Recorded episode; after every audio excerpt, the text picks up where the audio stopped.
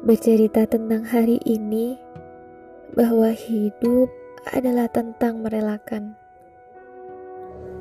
Ketika nantinya kau tak lagi dengar kicauan burung di pagi hari, atau ketika senja yang tak lagi nampak, itu artinya saya telah pergi.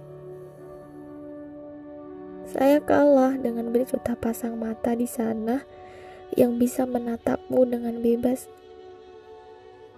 Bagaimana mungkin bisa? Bahkan bayanganku saja tidak bisa kau lihat. Perahu yang telah kupersiapkan untuk kita. Ini saya hanyalah bersampan sendirian.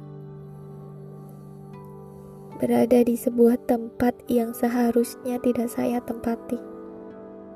Menunggu semua jawaban dari semua pertanyaan-pertanyaan yang harusnya dengan kata cukup bisa menjadi jawaban namun, saya yang berharap lebih.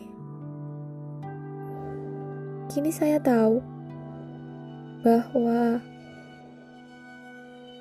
bahwa tidak semua pertanyaan harus ada jawabannya.